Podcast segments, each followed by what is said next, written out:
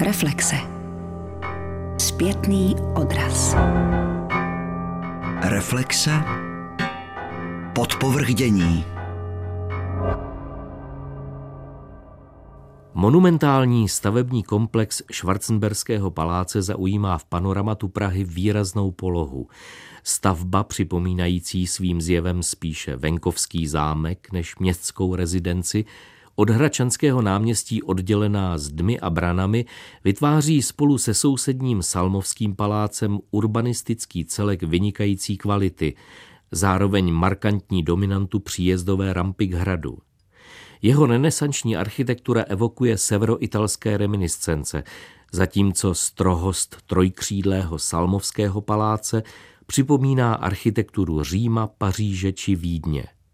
Oba paláce reprezentují staletí českých a evropských dějin, jejímiž aktéry jsou i Lobkovicové, Rožmberkové, Švamberkové, Eggenbergové, Schwarzenbergové a Salmové. Ivan Hartmann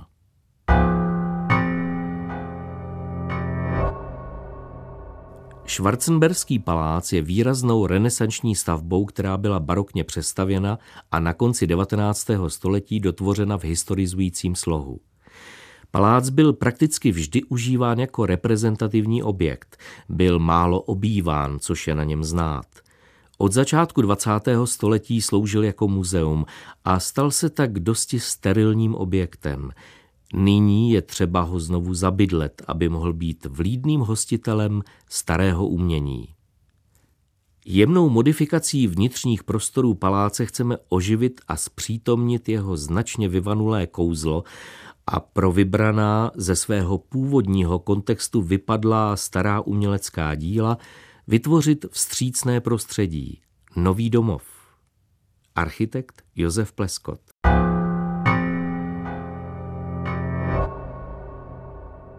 Dnešní vydání Reflexí jsem natáčel ve Schwarzenberském paláci na Hračanském náměstí, kde bude otevřena nová expozice Národní galerie Staří mistři, věnovaná renesančnímu a baroknímu výtvarnému umění.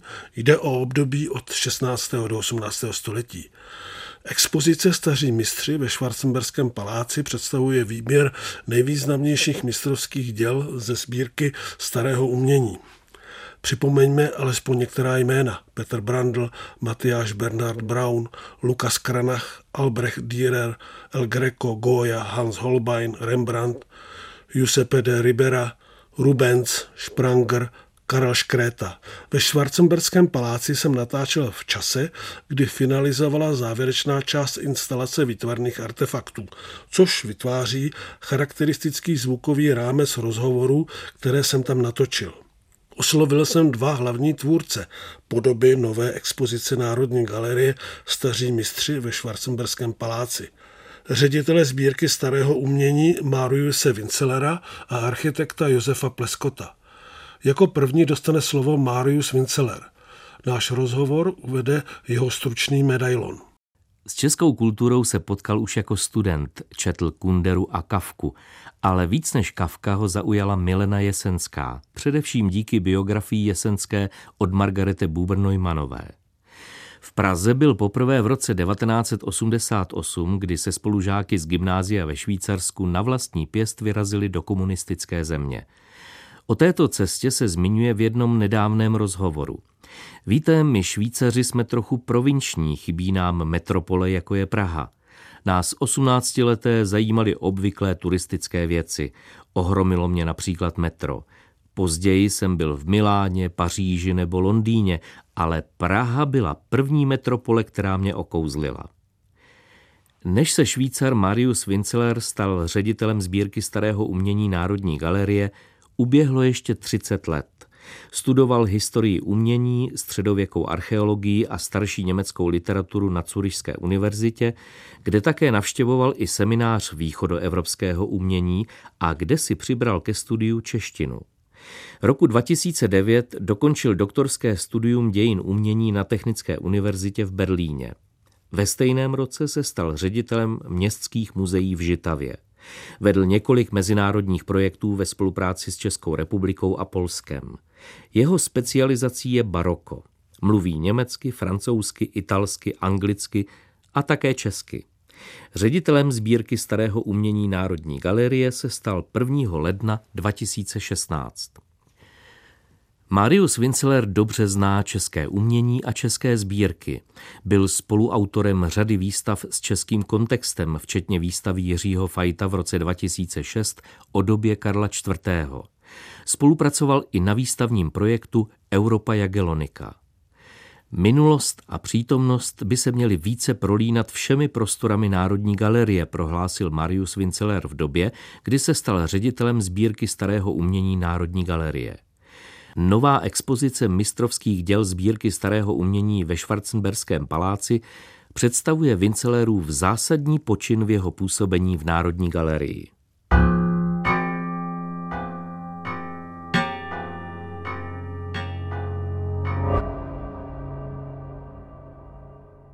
Nejdříve jsem se Mauriuse Vincelera zeptal na koncept nové expozice. Koncepce nové expozice starší mistři vychází z výběru mistrovských těl ze sbírky Staré umění Národní galerie a princip koncepce je dialog. Dialog evropské umění nebo dialog mezi evropským a českým uměním. A to je z tohoto důvodu důležité, protože od 50. let minulého století ty sbírky byly víceméně rozstýleny. Předtím bylo to princip taky u nás v galerijní tradice nebo v dějinách Národní galerie, že ty fondy staré umění byly prezentovány spolu například v Rudolfínu, kde byla ta první velká, velkorysá expozice starších mistrů a pak to platí stejně pro expozice, která Vincent Kramář připravil a koncipoval v 30. letech minulého století v městské knihovně na Marianském náměstí.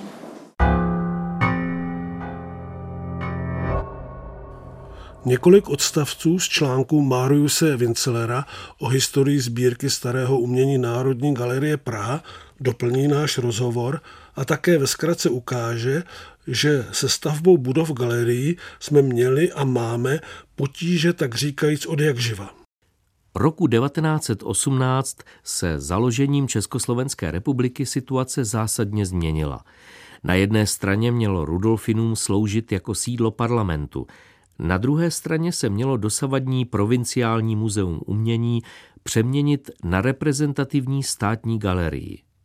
Umělecký historik Vincent Kramář, který zde od roku 1919 působil jako kustot, nejprve prosadil již plánovanou instalaci obrazů, přičemž kladl důraz na prezentaci českého umění v kontextu hlavně s holandskými mistry 17. století. Musel se však záhy postupně vzdát sálů obrazárny ve prospěch rozšířené restaurace a koupelen pro poslance Československého parlamentu. Nový stát zamýšlel postavit na kampě velké umělecké muzeum pro obrazárnu společnosti vlasteneckých přátel umění a moderní galerii založenou v roce 1902, v níž měly být sjednoceny fondy starých i nových mistrů. Ale ambiciozní projekt architekta Josefa Gočára skončil položením základního kamene v roce 1927, což prostávající umělecké sbírky znamenalo, že budou i nadále prezentovány v provizoriích. Roku 1929 byla sbírka přestěhována z Rudolfina do stropními okny osvětlených sálů, zřízených pro galerijní účely v podkroví městské knihovny, vybudované v letech 1924 až 1929 architektem Františkem Reutem na Mariánském náměstí na Starém městě. Vincent Kramář navrhl roku 1931 expozici, v níž se mu podařilo integrovat české umění do klasických evropských škol. Díky převodům majetku a konfiskacím doznali fondy značného rozšíření. Ještě roku 1945 se dostala do Národní galerie Nostická sbírka, poslední zachovaná a navíc největší i nejcennější pražská barokní šlechtická kolekce, obsahující mimo jiné díla Rembrandta, Jana van Goyen, Viléma Kalfa, van Dijka. Poté, co stále přetrvávající plány na novostavbu galerie na letné zůstaly nerealizovány, dostali se v 50. letech 20. století jako sídla expozic do hledáčku další tři paláce a kanovnické domy na Hračanském náměstí, což vedlo k myšlence galerijního komplexu okolo náměstí. Poprvé se také objevil nápad umístit fondy českého a evropského umění na různých místech. Realizace však stroskotala na požadavku, že před adaptací nemovitostí by se muselo postavit 100 náhradních bytů. Po úryvcích článku Márujse Vincelera o historii sbírky starého umění Národní galerie Praha se vracíme zpět do Schwarzenberského paláce. Mluvil jste o výběru nejvýznamnějších mistrovských děl od renesance baroku. Podle jakých kritérií jste expozici tvořili? Já ten výběr tvořili ve spolupráce ve spírce, že každá kurátorka, každý kurátor v diskusích, které už mají dlouhý příběh, vybrali ty nejdůležitější umělecká díla z hlediska její dějiny nebo z hlediska stylistického, historické prostředy nebo kontextu. To znamená, nejdříve definovali jsme nebo vybrali jsme obrazy a sochy, které mají ikonický charakter pro spírku. Ty spírky jsou zpracován, eh, badatelský, proskoumán a ten výběr je samozřejmě výsledek z té práce. Ten výběr samozřejmě počítá taky s tím, že to nejsou jenom teoretické argumenty, proč jedno dílo je důležitější než druhý, ale pro nás tady bylo velice důležité jako argument, což je pro návštěvník vizuálně velice atraktivní, zajímavé, eh, za prvé, a za druhé, ale pro nás od začátku byl velice důležitý myslet pořád na rámec, na architektonický rámec pro celou expozici. A ten Schwarzenberský palác nikdy nebyl budován jako galerie. To znamená, že je netradiční objekt pro galerijní potřeby, zároveň ale je to ikonická budova, která má velký význam historické, architektonický v rámci celé střednoevropské dějiny umění. A z tohoto důvodu samozřejmě ten výběr je výsledek z toho, že plánovali jsme od začátku velice intenzivně, v jakým prostorem, v jakém sále bude co. A ten palác není neutrální s tím, že tady máme white box nebo něco takového. Máme tady sály, kabinety, které mají silnou architektonickou atmosféru a s tou atmosférou pracujeme, hlavně samozřejmě ve spolupráci s ateliérem Josefa Pleskota respektujeme nebo více akcentujeme právě v té expozice ty historické vybavené prvky, například malované stropy nebo renesanční krb, nebo ty podlahy, dveři a kamna. Mě teď napadá v té souvislosti jedna otázka. Ve vašich materiálech jsem četl, že dokonce se pokoušíte o co se týče toho architektonického pojetí o experimenty v instalaci sbírek. Jedna část experimentu v rámci té expozice je taky, že některé umělecká díla inscenujeme trochu víc, jak to je zvyklé. To znamená, že máme krásný sál, kde jsou rokokové vymalby. Ten sál v době baroka byl kaple a tam máme uprostřed ležící ukřižování, což je možné trochu kontroverzní, protože to je nejmonumentálnější socha Matyáše Bernarda Brauna, která samozřejmě v klasickém kontextu by měla být na stěně, vysoko, ale my rozhodli jsme, že právě ta socha je tak expresivní, že může být v muzeálním kontextu taky jinak prezentovaná. A navíc je to takto, že ten sál má název Tváří v tvář, že tam nejenom to ukřižování, ale máme tam velkou stěnu plné portrétu a dole směrem toho ukřižováního a naproti ještě máme tam velice známý obraz od Petra Brandla Simeon a Ježíšek. jeden z vrcholů jeho tvorby.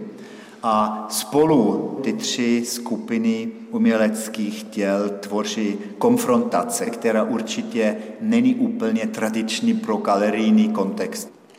Jak v tomto, řekněme, internacionálním pojetí, jak si počíná v ukazovkách českého umění. Už jste se zmínil o Petru Brandlovi. Obstojí v této konkurenci? Já to nevidím jako konkurence, naopak, že to právě my chceme tady ukázat, jaké vrchol reprezentuje právě české umění, nebo řekneme možná líp umění který vzniklo v Čechách. To je už mezinárodní umění. Ty umělci nemluvili česky, nejenom česky, mluvili italsky, mluvili německy. To znamená, že české umění je už velice úzké. My máme v té expozici určitě velice silný středoevropský český akcent. Všude, všude uprostřed koncepce, uprostřed veškerých sálech jsou obrazy a sochy, které mají velice intenzivní kontext v Čechách. To znamená, že to může být Rubens samozřejmě, který maloval pro kostel svatého Tomáše na Malé straně dva obrazy, které teď jsou v kontextu tady instalován v kontextu Petra Brandla, hlavně kontextu Karla Škréty, Wilmana, tam jsou ale v stejné velké barokní obrazárně i obrazy Van Dijka, Dominika Fettiho a spolu je to vidět, že ty takzvané české umělci jsou úplně na nejvyšším úrovni. A to chceme tady samozřejmě taky právě v té konfrontace, nebo já chci více možné akcentovat, není konfrontace, ale ta spolupráce nebo koncert hlasu, říct, že to je vidět, jak to výborně a samozřejmě, jak to hraje spolu, já, že to je nejenom jedna smes, ale že to je opravdu koncert různých hlasů v stejné době. Já si teď uvědomuji, že v poslední době Národní galerie vydala třeba Neumanovu publikaci o Petru Brandlovi. Znamenalo to vydávání těchto publikací nějakou teoretickou předpřípravu práce na této instalaci starého umění? Určitě dlouhodobá badatelská práce v Národní galerii celkově, ale přímo teď tady ve Spírce starého hraje a hrála velkou roli v přípravě té expozice, protože všechno tady je výsledkem toho, že máme bohatý výzkumný kontext, jak říkáte, ty monografie, ty velké monografie, soupisové katalogy, všechno je pro nás samozřejmě základ pro tu tvorbu, i když to není na prvním pohled možné vidět, ale to hraje určitě klíčovou roli. A to právě platí pro tu monografie Schwarzenberského Salmovského paláci. Máte představu náštěvníka, diváka, který sem bude přicházet? Samozřejmě doufejme, že hlavní majitelé Fondu Národní galerie, co znamená, to je národ nebo celá Česká republika, bude mít radost z toho, protože to je nejenom objekt pro turisty, samozřejmě, to je hlavně poklad české zemi, nebo jak můžu říct. Jak spírka starého měny je jádro spírek Národní galerie z letiska dějin instituce, je to takto, že doufejme, že návštěvníci který pochází z celé republiky, budou tady vidět něco nového. Doufám, že budeme mít tady návštěvníky, kteří jsou svědaví.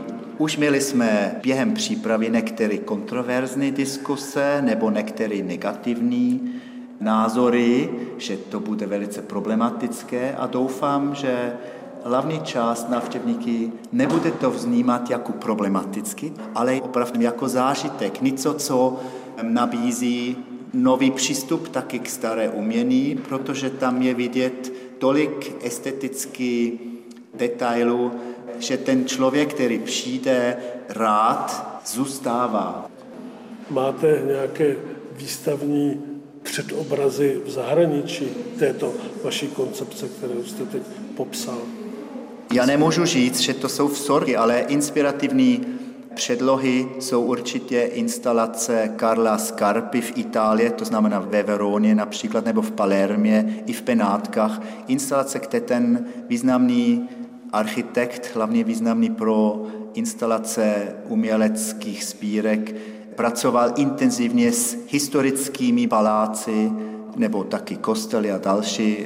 On tam instaloval spírky, které mají velký význam, ale on pracoval velice intenzivně s prostorem. A musím tady přiznat nebo říct, že pro mě jeden z osobních ideálů instalace byl expozice českého umění v Jířském klášteře na Pražském hradě, která právě taky respektoval ten prostor i velice volně interpretoval. Tam koncepčně to nebyl ten možný mezinárodní koncept, protože bylo to dané, že to je hlavně české prostředí, ale jak ty tamejší architekty pracovali, to byl opravdu nejvyšší úrovni muzejnictví v celé Evropě. A já jsem rád, že to osobně několikrát ještě mohl jsem studovat v 80. a 90. letech. To byl i teď pro mě tady inspirace. A druhá věc je, že například Muzeum umění v diecéze Kolíně nad Rýnem Kolumba je něco mimořádného s tím, že tam ty kurátory pracuje intenzivně s architektonickém prostředí, že umístí umělecká díla v prostoru tak, že ty obsahové vazby nebo ten obsah tam hraje nejdůležitější roli a není ten vědecký koncept, zda to je baroka nebo gotický nebo cokoliv. Tam jsou současné umění vedle romanských soch, nebo gotická Madonna vedle Gerharda Richtera nebo cokoliv. To není teď tak důležitý, od koho to je, ale že každý objekt má opravdu svůj osobní nebo identifikační význam a s tím vyrábí mimořádný zážitek. Když tam vstupujete, to právě není očekávání, že můžete tam procházet dějiny umění od římské době až do současnost, i když to je v té budově taky možné, ale že tam máte pořád nějaký obsahově impulzy, ideje, nápady a trochu taková inspirace, možné kmotr naše, naše inscenace. Tolik pro tuto chvíli Marius Vinceler.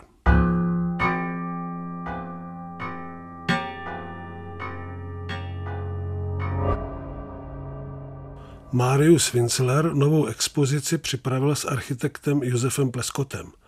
Náš rozhovor uvede jeho stručný medailon. Za své realizace získal řadu ocenění a jeho stavby pravidelně reprezentují českou architekturu v mezinárodních přehlídkách. V roce 2009 byl v odborné anketě organizované časopisem Reflex zvolen nejvýznamnější osobností české architektury 20-letí 1990 až 2009. V první polovině 90. let upoutali pozornost dvě jeho realizace. Vila ve Vraném nad Vltavou a radnice v Benešově. Spolu s třemi dalšími pleskotovými stavbami průchod valem Prašného mostu, budova metrostavu v Libni, úprava břehů Loučné v Litomyšli, je Rostislav Švácha zařadil do své publikace Česká architektura a její přísnost. A tak můžeme říci, že se Josef Pleskot stal protagonistou knihy, která se pokouší interpretovat českou architekturu prvních 15 porevolučních let. Mám rád obsahy, které nejsou povrchní, řekl Josef Pleskot. Když dělám rodinný dům, tak ho chci udělat tak, aby skutečně udržel rodinu pohromadě, aby princip rodiny ve stavbě fungoval – když potom dělám veřejnou stavbu, jakou svým charakterem byla industriální proměna v Dolních Vítkovicích, tak se navíc ještě snažím pochopit, co nám vlastně celá industriální éra dala. To velikánské bohatství, ze kterého neustále žijeme a které rozvíjíme. Za důležitý bod svého působení v architektuře považuje tvůrčí podíl na koncepci areálu Pražského hradu. Tunel, který spojuje horní a dolní jelení příkop, pro mě symbolizuje akt potkávání lidí. Také je to stavba pro mě samotného jistým způsobem hraniční. Uvědomil jsem si na ní spoustu věcí, například to, že tunelářskou prací se nemusí nutně jenom tunelovat, ale i spojovat. Architekt se snaží o skutečně komplexní řešení, přihlíží k místním, historickým, sociálním i duchovním souvislostem. Velkým tématem jsou pro Pleskota nové vstupy do historického prostředí. Mluví o projektování akvarelovou metodou, kdy se hranice starého a nového rozmývají a nové věci se stávají součástí celku.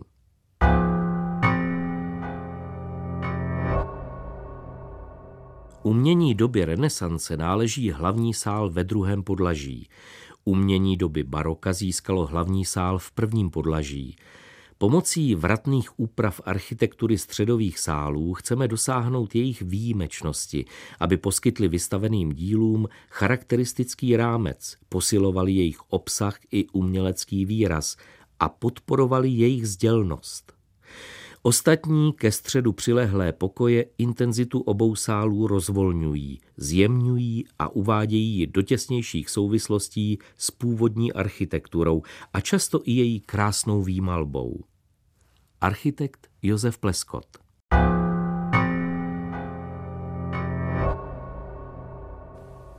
Architektonický rámec nové expozice Staří mistři ve Schwarzenberském paláci připravil Josef Pleskot se svým studiem AP, konkrétně s Norbertem Schmidem a Evou Opátkovou. Josef Pleskot jako architekt už několikrát vstoupil na Hračany. Jmenujme alespoň rekonstrukci Lvího dvora nebo průchod valem Prašného mostu. Pane architekte, jaké místo ve vašich hradčanských zakázkách zaujímá Schwarzenberský palác s expozicí starých mistrů? Zeptal jsem se Josefa Pleskota. V kontextu současnosti, co pro mě práce znamená na Pražském hradě, no tak to samozřejmě vždycky znamená velmi mnoho, protože je člověk konfrontovan s celou historií, koncentrovanou v tomto místě. Ale Teď se mi zdá, zanesu do toho trošku politiky, je tady prostě smutnější atmosféra, než jsem ji zažíval tehdy. K tomu, co tady děláme nyní, protože se mi zdá, že Národní galerie tímto projektem chce ukázat sbírky starých mistrů v kontextu střední Evropy, ale i víc v kontextu celé Evropy. Bude vidět, jak ta sbírka je ve vztahu k naší kultuře zajímavá, a ne vždycky úplně lichotivá, jo, protože jak si myslíme, že jsme byli snad v baroku centrem barokní kultury, tak eh, myslím, že se tady trošku uvidí, že jsme byli vynikající, ale mě vždycky zajímá položit si tu otázku velmi eh, zodpovědně, zpříma a bez přikrašlování. A to se mi zdá, že se tady v této expozici podařilo vyšla publikace o Salmovském a Švarcemberském paláci. Vy tam v závěru máte kapitolku, kde představujete ten svůj koncept a mimo jiné tam píšete, že tento prostor vám připadá sterilní, v nadsázce řečeno trochu vybydlený mm-hmm. a že jste si přece vzal, že z toho uděláte prostor, který bude vlídný pro staré umění. Jakých prostředků jste použil? používáte? Ano, zaprvé potřeba říct, že Schwarzenberský palác je zvláštním hybridem všeho možného. Ten hybrid je ustálený prací Josefa Mokrata, jo, a sjednocený do podoby renesančního paláce. Samozřejmě barokní elementy se tady velmi silně rozpoznávají také. Když jsem mluvil o té vybydlenosti, tak eh, jsem stále viděl, že tady bylo vojenské muzeum, že tady byla už tedy z dob eh, předválečných jistá expozice, které byl ten palác věnovaný a dávno, dávno se zapomnělo, že to byl palác víceméně obytný. I když se tady nikdy pořád nebydlelo, že jo, tak to byl palác obytný reprezentativní a ty prvky švarcemberského odkazu tady nějakým způsobem aspoň v mé mysli, jak já si to představu, byly a já jsem se se svými kolegy snažil z toho paláce udělat opět palác. To znamená těm salonům, těm pokojům dát charakter svébytné architektury, aby zůstaly vnímatelné a čitelné jako palácové pokoje, palácové salony.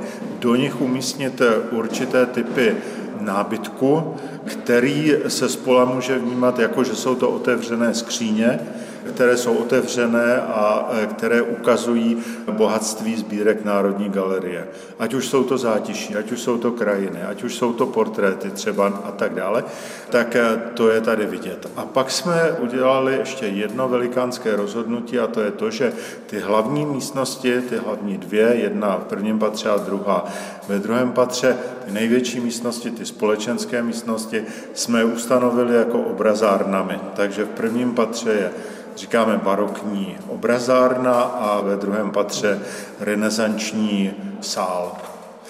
Čili v těchto sálech dvou hlavních je ta koncentrace toho nejlepšího, co má ta sbírka představovat. Ne toho nejlepšího, pozor, to by bylo špatně řečeno, ale toho nějakým způsobem galerijně nejdůležitějšího, nejzdělnějšího a v ostatních místnostech jsou už jenom právě připomínky tu téma, třeba, jak jsem říkal, krajina, tu téma e, zátiší a podobně. Jak, pane architekte, pracujete v této budově se světlem? A to je další věc, protože samozřejmě světlo je součást. Já jsem viděl několik výstav ve světě, které mě fascinovaly právě kvalitou osvětlení. Ta kvalita osvětlení, kterou já jsem viděl třeba v některých galeriích, tak byla provedena tím způsobem, že bylo zvládnuto denní osvětlení. Takže třeba skleněné stropy, kterým bylo zredukováno denní osvětlení na přijatelnou hodnotu pro vystavování uměleckých děl, to mně připadalo fantastické a právě třeba u prací Richarda Rogerse v těch jeho galeriích jsem byl vždycky z toho fascinován. Tady nic takového nemůžeme udělat. Proto mě ale napadlo, nebo nás napadlo s kolegy, dokonce s inženýry, že se pokusíme vytvořit osvětlení, které bude velmi silně evokovat denní osvětlení, Nové technologie osvětlovací, zejména letkové zdroje, nám umožnily skonstruovat světla, která dávají světelnost tak jako rozprostřenou v prostoru, že se vůbec nevnímají odlesky obrazu, ale vůbec, absolutně se nevnímají odlesky obrazu. A zároveň člověk, když se dívá na ten obraz, zejména velký obraz, vůbec si nestíní. Takže rovnoměrná osvětlenost a ta díla povyrostla o dva metry výš. A měl jste tady jeden problém v instalaci z roku 2007. Musel jste tady akceptovat v interiérech ano, ano, zásahy, ano, které ano, ano, jsou ano, neodstranitelné. Ano, ano. V tom byly určité, řekněme, souboje svedené z techniky z Národní galerie, svedené taky kvůli finančním prostředkům, protože pravda je, že kdyby jsme měli více finančních prostředků na tuto instalaci, tak že se ta technika mohla i vylepšit a ze soudobě ta tolik by nepřekážela ale musím říct, že většinu těch vážných technických zaostalostí si troufám říct už v této době jsme dokázali odstranit. No, bezpečnostní hledisko, samozřejmě, které souvisí s ochranou sbírek, s ochranou toho národního dědictví, se musí respektovat, nedá se nic dělat. Teď tady přečtu, mně se líbí vaše formulace z té změněné publikace Renesanci dospěl středověk, v baroku se zrodila do dnes trvající epocha, ale renesance ani středověk v baroku neumřeli. Prokázat tuto skutečnost znamená dosvědčit, že z toho všeho pocházíme. Není to jakési moto vašeho přístupu tady této vaší práci? Je to moto, je to samozřejmě formulace, na které trvám, protože barokní doba zcela volně přešla i do naší kultury, řekněme industriální, postindustriální. Baroko je ne zcela doceněno v dimenzích, které právě v sobě má, které může sdělovat. A samozřejmě nic z toho, co dal středověk, renesance, přes baroko naší době opravdu nevymizelo a žije a je potřeba zkoumat. Já jsem se do této expozice opravdu zamiloval právě z tohoto hlediska, že zde vidím kulturní kontinuitu Evropy a západní civilizace. Mě ještě zaujalo to, že tady došlo k nějakému setkání dvou osobností, pana ředitele Máruise Vincelera a vaší. Lze to takto chápat. Těší mě, že to tak chápete. ano, opravdu s panem Vincelerem jsme si velmi padli do noty právě v tom aspektu, jak vnímáme kulturní odkaz z úhlu pohledu naší doby.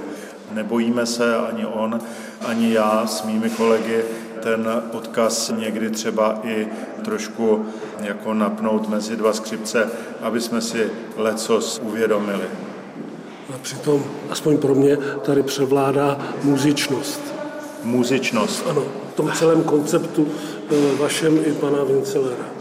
Tak já si myslím, že architektura umí být muzicky sdělná. Architektura je médium, které dokáže zprostředkovávat optické věmy i zvukové věmy. Architektura umí zprostředkovávat atmosféru přes světlo, o kterém jsme už tady také mluvili. V obrazech je světlo, v obrazech je harmonie, v obrazech je muzičnost, v obrazech je to všechno. Nám připadalo jako zásadní dát těm obrazům takový prostor, který by divákovi objevil prostor uvnitř těch obrazů. Protože prostor uvnitř těch obrazů bývá opomíjen. Třeba osvětlení spoty, zaměření na určitou dramatickou scenérii třeba toho obrazu, což bylo v baroku obzvlášť obvyklé dívat se právě na to drama někde ve středu toho obrazu. Mě často vadilo, protože jsem se díval do toho obrazu jako do prostoru, do kontextu toho obrazu. To právě při těch instalacích mnohdy scházelo a, jak už jsem řekl, osvětlení, které tady je, které si myslím, že je velmi originální, může divákovi zprostředkovat velmi silný komplexní zážitek právě v té harmoničnosti celého toho obrazu. A je tady přítomna té expozici, v té instalaci Praha? Naprosto jistě, protože ten palác má nějakou svoji situovanost. Ten palác je na Hračanském náměstí, tady se odehrávala, jak už jsem řekl, celá historie Čech. Takže bylo hrozně důležité, aby se rozpoznávalo, v jakém kontextu ten palác stojí. To znamená, plánovali jsme výhledy z oken, aby byla vidět Praha, Praha barokní, protože z tohoto místa je vidět opravdu Praha barokní. Dokonce tady máme jednu takovou expozici, která nám vtahuje artefakt sochařský, což je Mariánský sloup na Hračanském náměstí, přes takové manieristické kukátko přímo do expozice a ta expozice je na základě tohoto artefaktu ještě doplněna mariánskými obrázky, které vlastně celou tu scenérii rámují a kolorují. Takže okolní kontext naprosto důležitá věc, samozřejmě pohled na eh, katedrálu, pohled na Petřín, to jsou všechno strašně důležité věci. Uzavřel náš rozhovor Josef Pleskot.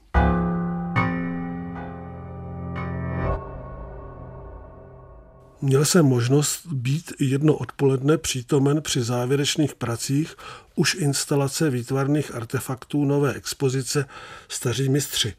Byl jsem v renesančním sále ve chvíli, kdy byla přinesena a vybalována z ochranných krytů slavná růžencová slavnost od Albrechta Dürera. Při procházení palácem mě oslovila tvůrčí atmosféra – Chvílemi jsem si připadal, jako bych se ocitl uvnitř básně Čento, což je báseň složená z citací různých autorů. V případě Schwarzenberského paláce jde o Čento skomponované z výtvarných děl. Na závěr dnešního vydání Reflexí si poslechněte dva záběry, které jsem natočil v ještě se rodící expozici starých mistrů s Mariusem Vincelerem. Tady máme právě ten pohled směrem hrad a kunstkomora Rudolfa II., protože tady vevnitř budou křišťalové drahokamenné věci, takový kunst kabinetní kusky a pak máme tady velký obraz od Karla Škréty, rodina Mizeroniho a to je takový obsahový. A pak máme tady kabinetní malby, které mají trochu více erotického, ale taky ten detailní řemeslný svůj charakter. Jo. A tady ještě to to bude tady mezi sněm a skutečnosti, protože to jsou biblické, mytologické krajiny, ale zároveň velice realistický, a to je ta příroda, věda a ty ideály se zhromáštily nebo přišly spolu. No a tam jsou spoustu věcí, které dlouho byly taky v depozitáři, a to znamená, ne všechny věci jsou tak notorické známy a z tohoto důvodu myslím, že ta expozice nabízí taky některé překvapení. To je právě to ukřižování. Právě stojíme v části expozice starých mistrů, která je nazvaná Tváří v tvář. V libretu výstavy se o ní píše. Všudy přítomná smrt a morové epidemie posilovaly v době baroka touhu po životě. Poslední věci člověka, kult zemřelého a úvahy o nesmrtelnosti se setkávaly tváří v tvář se světem umění. Pohled na tuto epochu evropských dějin dodnes formují drastická vyobrazení utrpení a vášně, života a umírání, monumentální plátna i intimní portréty lásky k bližnímu. Tady máme Simeon s Ježíškem a pak máme ty portréty jako takový konfrontace. Jo? A to je samozřejmě trochu netradiční a pro některé lidi možná je to trochu kontroverzní nebo provokativní, ale my všechny tady intenzivně diskutovali taky o tom, jestli to je adekvátní umístit taková socha takovým způsobem a rozhodli jsme, že to můžeme udělat. Jo. Zastavili jsme se nad sochou Krista Matyáše Bernarda Brauna. Některé její části jsou ještě zabalené v igelitu. Máte tady jenom už ty roušky, to je tak expresivní a to můžete i vidět zblízka takto, ja? Draperie. Ta draperie je jak krajina, ja? je tak už z kubistické doby, nebo tak, jo? A stejný obličej. Já si myslím, že to vůbec není dehonestující, naopak. Určitě tady bude kontroverze a některý lidé tady už se vyjádřili, že to pro ní neakceptovatelné, ale to jsou takový, myslím, že i kontroverzní impulzy, které jsou zajímavé, když staré umění ještě může provokovat. Myslím, že to není úplně špatné. No. Tolik Marius Vinceler, ředitel sbírky starého umění Národní galerie Praha a kurátor nové expozice Staří mistři ve Schwarzenberském paláci. Součástí nové podoby Schwarzenberského paláce měl být i projekt skleněné kavárny na nádvoří a terase paláce od Evy Jiřičné. Projekt kavárny je odsunut zřejmě na příští rok, když to dopadne dobře. Takže doufejme. Závěrem dnešního vydání reflexí si dovoluji popřát tvůrcům nové expozice Národní galerie Staří mistři mnoho vnímavých diváků.